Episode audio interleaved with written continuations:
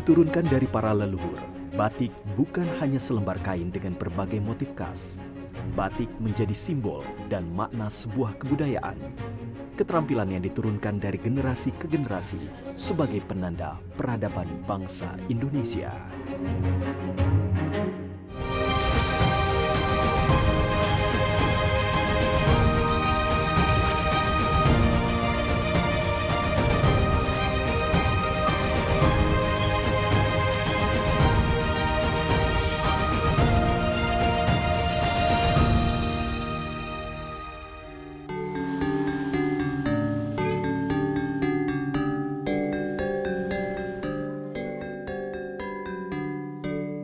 Ditetapkan sebagai warisan budaya dunia oleh UNESCO pada 2009, batik Indonesia memiliki keunikan dan sejarah panjang yang berbeda di masing-masing daerah.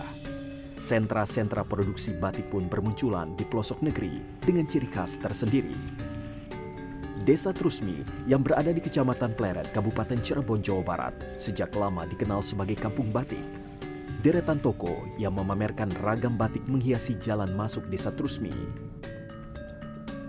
Di Desa Trusmi, hampir setiap hari masyarakatnya disibukkan dengan aktivitas membatik.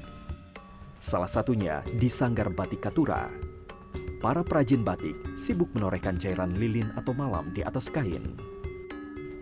Menurut salah seorang perajin batik di Trusmi, batik Trusmi memiliki 420 motif batik yang terbagi dalam dua kategori, yakni batik pesisiran dan batik keratonan.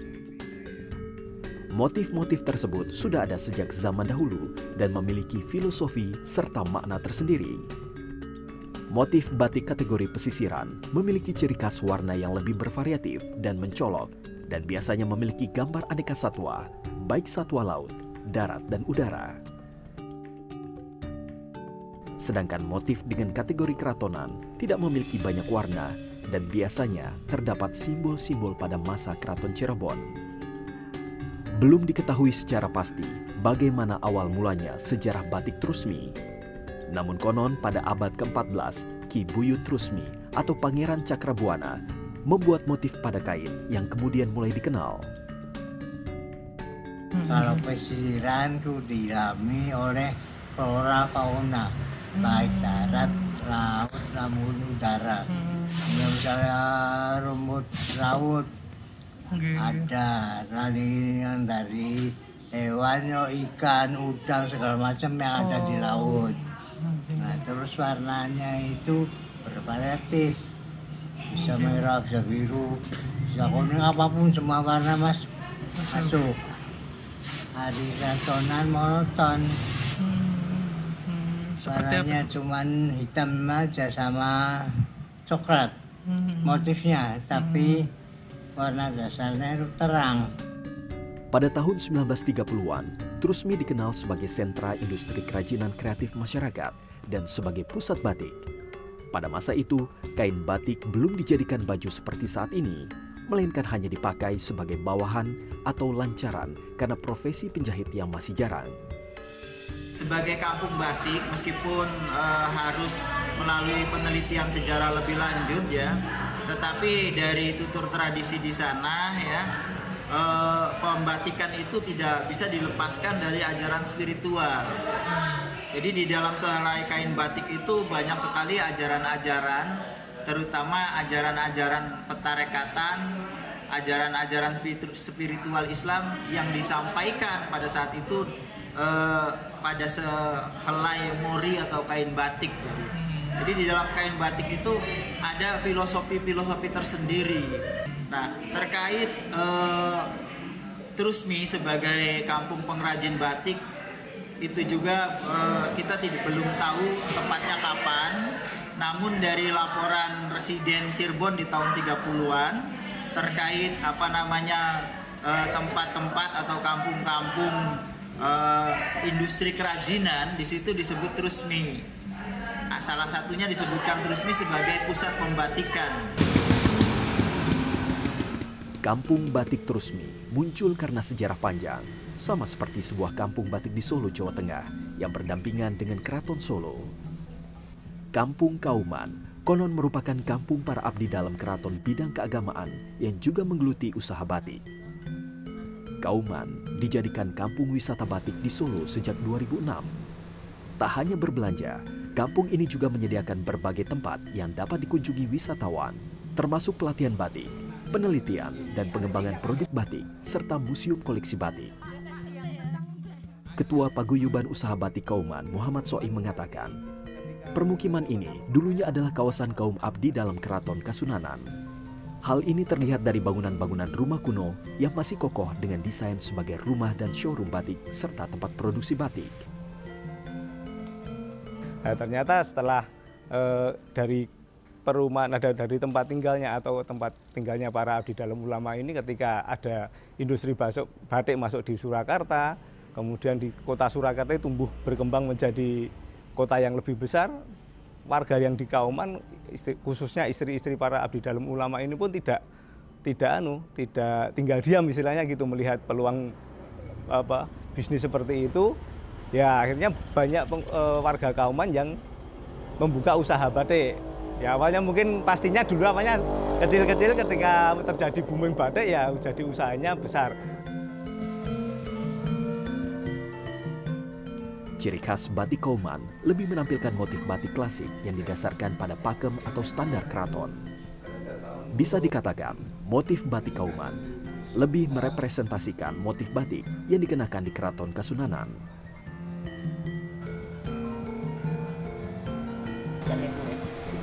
Terdapat lebih dari 30 industri batik di kampung batik Kauman. Rata-rata mereka merupakan generasi ketiga yang meneruskan usaha dari leluhurnya. Gunawan Setiawan, salah satu pelaku industri batik yang menjual batik di showroom yang juga merupakan tempat tinggalnya. Ia juga menyiapkan ruang khusus produksi batik bagi pengunjung jika ingin melihat langsung proses pembuatan batik. Pengunjung juga bisa membatik langsung di atas kain yang telah disiapkan. Kalau zaman dulu outlet yang saya tahu itu ada satu ruangan di samping rumah di Kauman. Ya di situ ada almari-almari besar hmm. yang isinya kain-kain jari itu. Nah, hmm. Jadi kalau eh, pelanggan-pelanggan datang itu ya diambilin dari situ. Hmm. Itu zaman dulu ditumpuk-tumpuk kayak gitulah kayak zaman hmm. dulu. Model dilipat, ditumpuk-tumpuk itu. Nah kalau sekarang beda. Sekarang karena masyarakatnya butuh display ya, butuh hmm. ini kira-kira dimudahkan mau kalau saya pakai kayak apa ya jadi apa. Hmm. Nah, akhirnya harus kita kasih patung manikin, hmm. torso, kita display di gawangan seperti ini.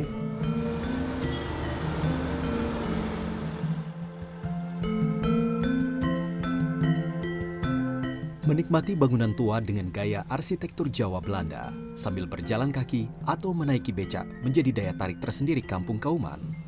Rumah joglo dan limasan yang berjejer memberi nuansa yang berbeda tentang batik yang tak sekedar barang jajaan, namun juga merupakan sebuah peradaban budaya.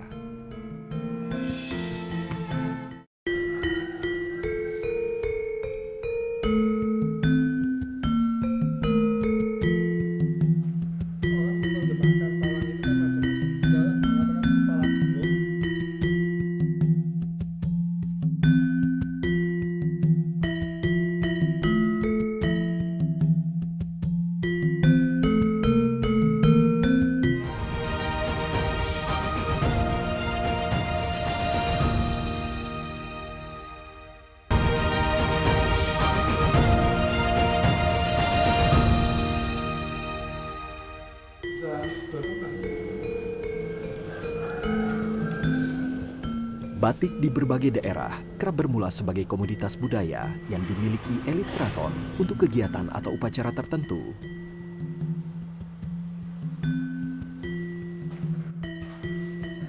Keindahan batik membuat banyak pihak di luar keraton yang juga ingin mengenakan batik. Hingga akhirnya muncul batik sodagaran yang dibuat para sodagar kaya hingga batik petani atau batik rakyat yang dibuat masyarakat awam.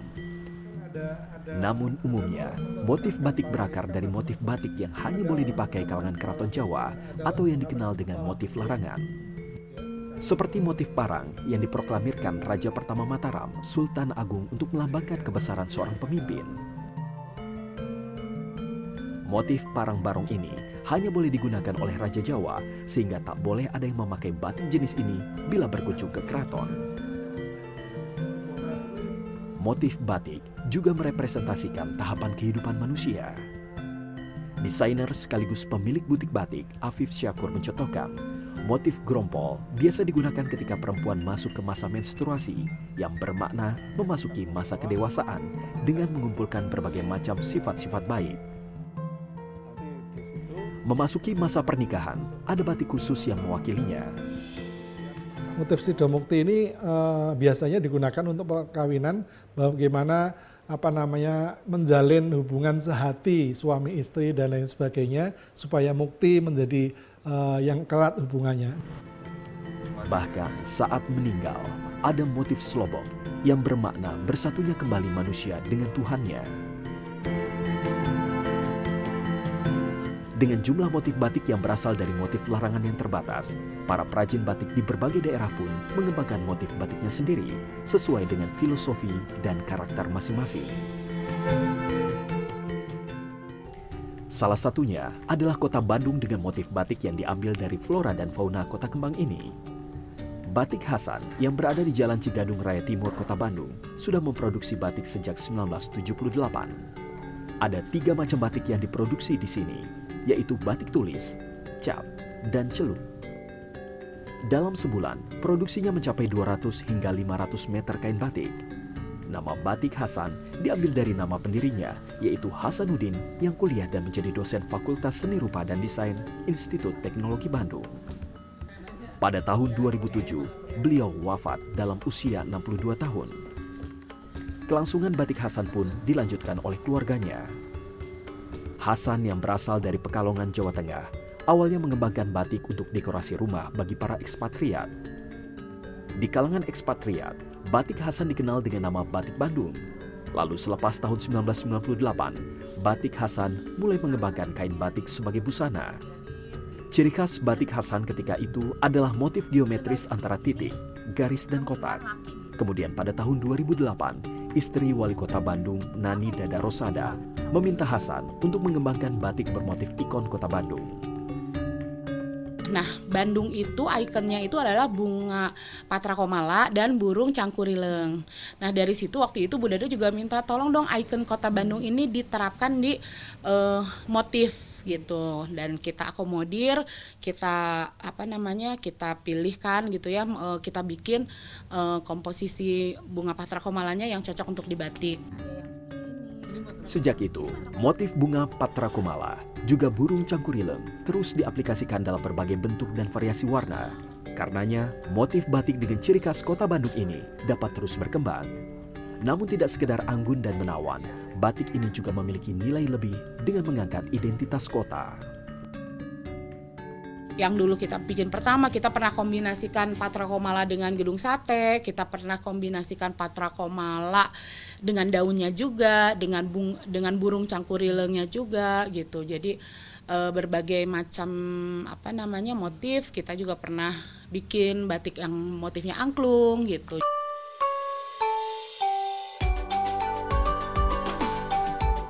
Lain daerah, lain ragam motif batiknya.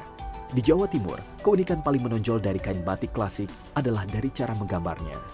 Garis, titik, motif kain batik Jawa Timur tidak presisi, serta pada tahap awal pembuatannya tidak ada proses pemindahan pola dari kertas ke kain. Tiap daerah di Jawa Timur memiliki ciri khas gradasi warna dan motif masing-masing. Hal ini dipengaruhi sejarah, budaya, pemahaman masyarakat, serta pengaruh yang masuk ke suatu daerah. Ketua Komunitas Batik Jawa Timur, Lintu Tulistiantoro, memetakan batik berdasarkan wilayahnya. Wilayah Mataraman yang mendapat pengaruh dari Jawa Tengah, seperti Bojonegoro, Ngawi, Madiun, Magetan, Pacitan, dan Trenggalek, memiliki pola yang presisi dan warna kecoklatan. Motif batik yang digunakan adalah parang dan kaum. Sementara wilayah pesisir seperti Tuban, Lamongan, dan Sidoarjo, warna latarnya cenderung terang. Motifnya berwarna-warni dan terpengaruh budaya Tiongkok seperti Lokcan dan Burung Hong. Untuk wilayah campuran seperti Tulung Agung, Mojokerto, dan Kediri memiliki karakter batik seperti Mataraman dan pesisir. Wilayah Banyuwangi juga memiliki motif batik khas seperti gajah oling, kangkung stingges, dan paras gempal. Sementara batik klasik Madura menggunakan warna coklat, merah, biru, dan hijau. Motif yang digunakan di antaranya sepasang kupu-kupu, tong centong atau alat untuk mengambil nasi, dan sekar jagad. Untuk wilayah pendalungan seperti Bondowoso dan Situbondo terpengaruh pendatang dari Sumeneb Madura, serta wilayah Bangil Pasuruan dan Probolinggo yang juga terpengaruh pendatang dari Sampang, Bangkalan, dan Pamekasan Madura. Wilayah-wilayah itu memiliki karakter batik seperti Madura, orang Jawa Timur tuh ekspresif, jadi eh, bukan sesuatu yang harus luwes, harus begini, enggak. Misalnya gini, burung ya, burungnya orang Jawa Timur, khususnya yang tidak terpengaruh, terlalu terpengaruh oleh badik Jawa Tengah ya, itu kayak badik sini, badik Sidoarjo ini, mereka punya bentuk yang kaku, nggak ada dalam tanda petik orang melihat nggak ada indahnya gitu loh. Tapi ya memang itu karakternya. Jadi kita tidak, tidak bisa mengatakan bahwa itu jelek karena kontekstual. Setelah batik resmi diakui UNESCO sebagai warisan budaya dunia, desainer Emran Nawawi menyebut batik di Jawa Timur muncul dengan kelas premium yang mampu bersaing di Asia Tenggara. Motif dan warna batik pun makin berkembang kualitas batik premium Jawa Timur terbukti dari tingkat e, kesulitan dalam pembuatannya. Yang berikutnya adalah motif. Dan motif ini tumbuh berkembang berdasarkan kebutuhan masyarakat. Nah, pergeseran ini membuat e, batik Jawa Timur makin populer. Dan yang terakhir adalah peminat batik Jawa Timur itu terpenuhi karena warna gitu. Dan ini menjadi selera yang baru gitu untuk e, produktivitas e, batik di Jawa Timur memenuhi selera pasar melalui warna. Batik dinilai sebagai warisan budaya yang luhur bukan hanya karena desain dan warnanya yang menawan, melainkan karena proses pembuatannya yang cukup kompleks. Sehingga per lembar kain batik kelas premium Jawa Timur dijual mulai harga Rp1.250.000.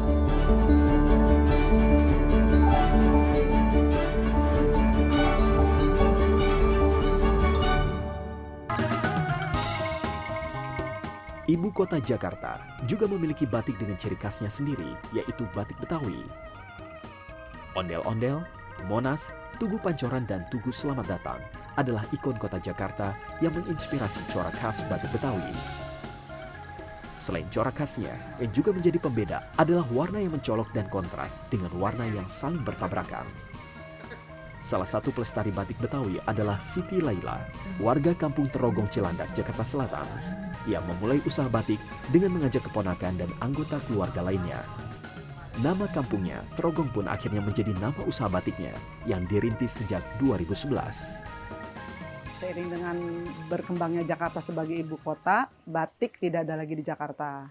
Nah di tahun 2011, uh, eh, keprihatinan saya sebagai warga Betawi asli uh, dengan keponakan-keponakan saya itu uh, muncul kembali dan saya ingin mengajak keponakan-keponakan saya untuk belajar batik.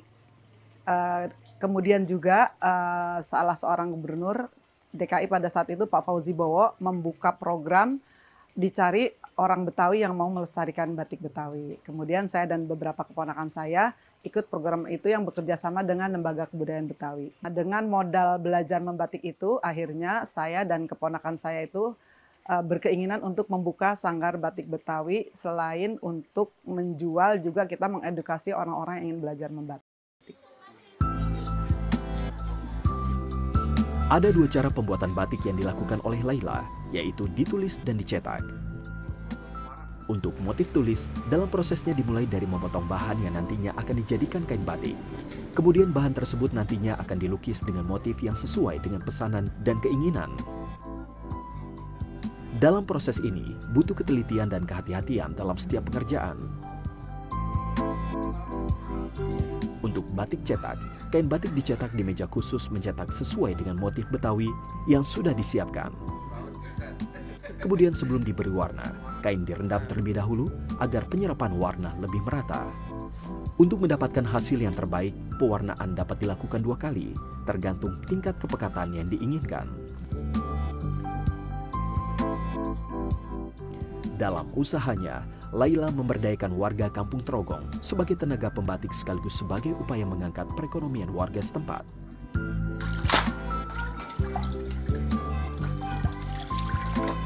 Sumber daya manusia merupakan salah satu kendala utama untuk membangun usaha ini.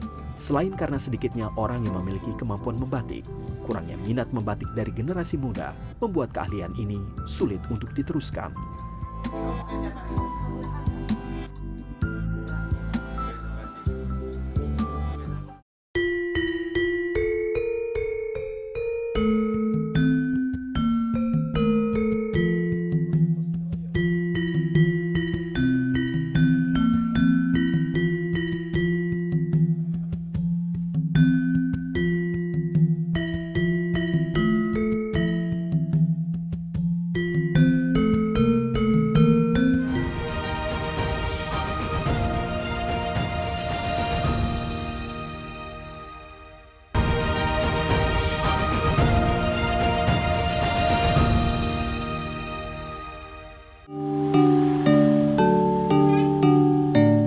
Pasangan Imaroh dan Sudarto hampir seumur hidup menggeluti batik.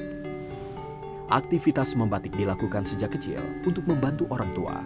Hingga saat ini, mereka memilih berprofesi sebagai pembatik.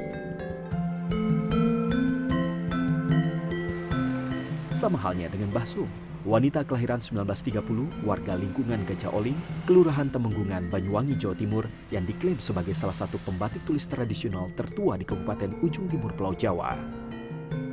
Nenek 92 tahun ini mengaku belajar membatik sejak duduk di bangku kelas 5 sekolah dasar pada zaman Jepang. Dirinya pertama kali belajar membatik menggunakan bahan daun atau kertas. Kemampuan membatik Basum didapat secara turun-temurun dari keluarga. Dari 12 bersaudara, Basum satu-satunya yang meneruskan tradisi membatik di keluarganya. Yang luar biasa, Basum melakukan semua proses membatik seorang diri, mulai dari menggambar pola hingga mewarnai. Biasanya, Mbah Sum memulai aktivitas membatik sejak pagi hingga sore hari dengan menggunakan tungku dari batu bata yang menyala serta kayu bakar. Mbah Sum konsisten menggunakan kayu bakar hingga saat ini karena hasilnya lebih bagus dibanding menggunakan kompor.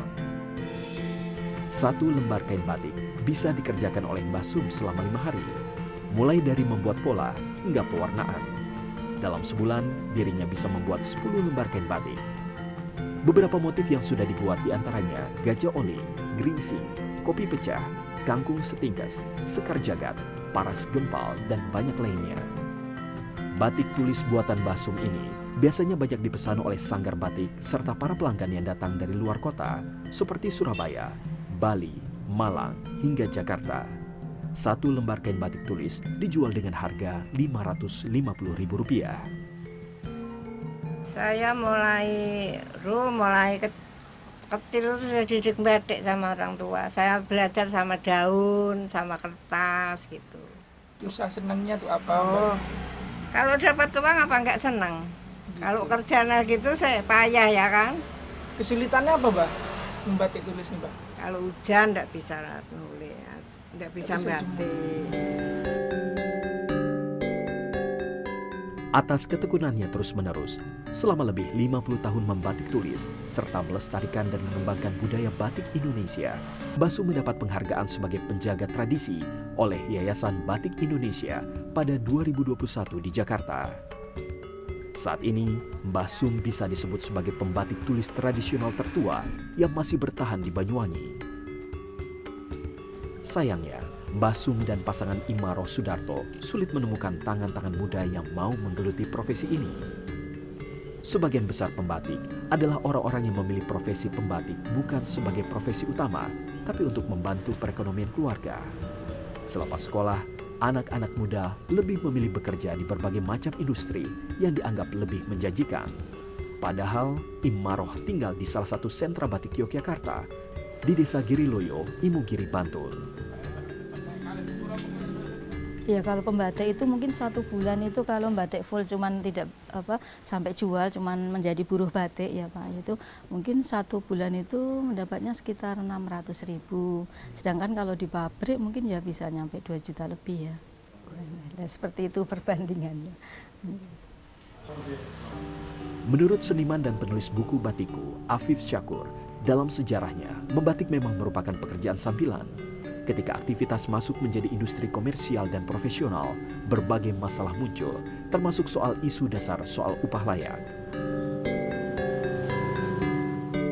orang yang tidak mau eh, sudah tidak mungkin lagi bekerja di pabrik, tidak mungkin lagi bekerja di toko karena kerepotan anak, akhirnya pekerjaan membatik.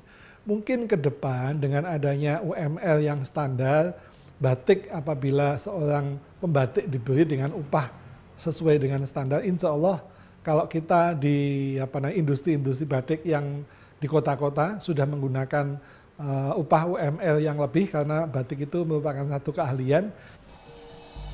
Batik Indonesia dari Sabang hingga Merauke menyimpan beragam keindahan seni hingga meraih gelar warisan budaya dunia. Layaknya warisan, batik yang merupakan milik Indonesia, identitas negara, seharusnya mampu diteruskan dari generasi ke generasi hingga memperkuat jati diri bangsa.